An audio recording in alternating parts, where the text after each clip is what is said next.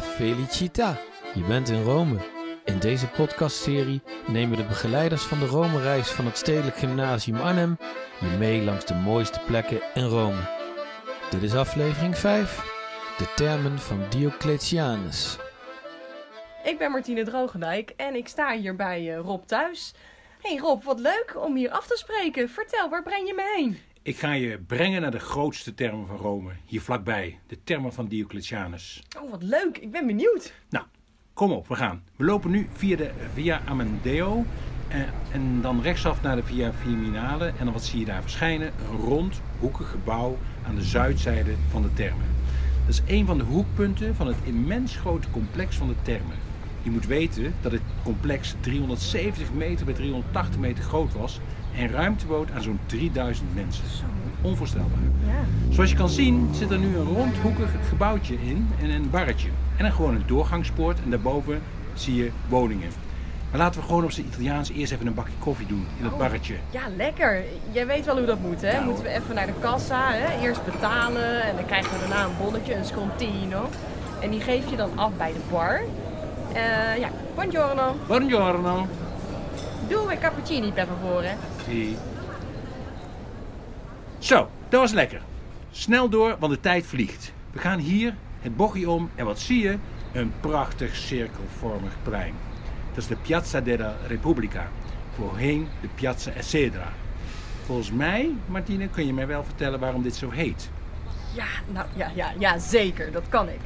Eh, dit gebied hoorde bij de grote Excedra aan de zuidelijke zijde van de termen van Diocletianus. Hè, waar je, je zei, daar gaan we heen. Je ziet de contouren van die Excedra terug in de gebouwen die zo half cirkelvormig zijn gebouwd. Met daar midden doorheen de Via Nazionale, die enorme straat daar. Midden op het plein staat een prachtige fontein. Zal ik je wat vertellen over deze fontein? Het is de bekende Najade fontein, gebouwd door Mario Rutelli. Wat zeg je? Dit is de bekende Najade-fontein, gebouwd door Mario Rutelli. Wat een herrie, hè? Ja, verschrikkelijk. In opdracht van Pius IX. Pius IX kwam regelmatig kijken hoe de fontein vorderde, maar kreeg niets van de Najade te zien. Op de dag van de opening was iedereen verrukt daar de Najade met ontblote borsten tentoongesteld werden. Dit zorgde voor de opschudding, gezien hun realistische sensualiteit. Een dag later beval Pius IX dat de Najade in het vervolg een t-shirt aan moesten om de borsten te bedekken. Wat een herrie, hè? Zal ik het eh, verkeer even uitzetten? Doe maar!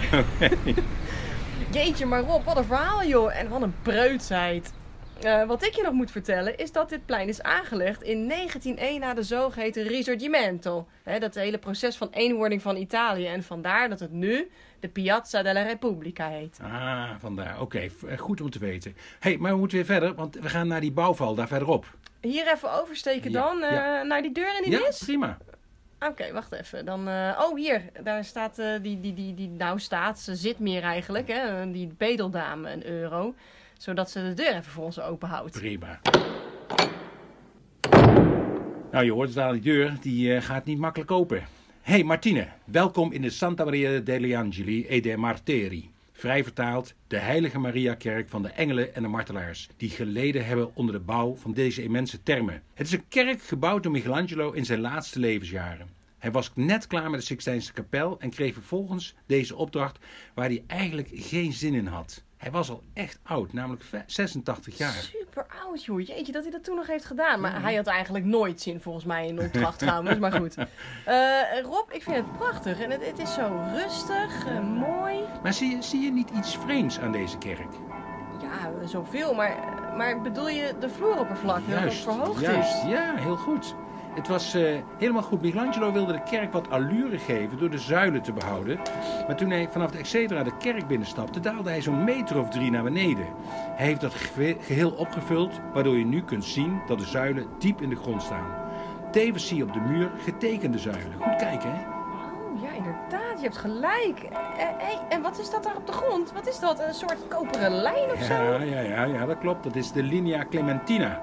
Deze lijn van Clemens is een meridiaan die in opdracht van Paus Clemens werd aangelegd.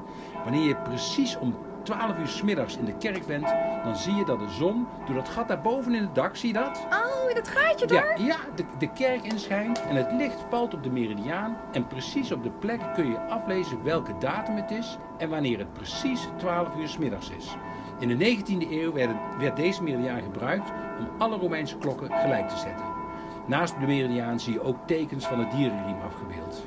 Jeetje, jeetje, wat een gedoe joh. Eh, nou, ik vind het altijd maar ingewikkeld die meridiaan eerlijk gezegd Ja, hoor. Maar volgens mij kan je er eigenlijk nog veel meer over vertellen ook. maar- over tangen en weet Ja, ik wat allemaal, dat gaan we nu niet doen. Hè? Dan gaan we Nee, oké. te veel te uit. Nee, ik vind het ook veel leuker om terug te gaan naar de oudheid. Oké. Eh, waar staan we hier eigenlijk? Nou, eh, waar we net binnenliepen bij dat vrouwtje aan de deur, dat was het Caldarium, het heet waterbad. En waar we nu staan, met die prachtige zuilen en de, en de meridiaan, is het Tepidarium, het warmwaterbad. Je moet weten dat hier in de tijd wel 3000 mensen een groot bad ondernemen.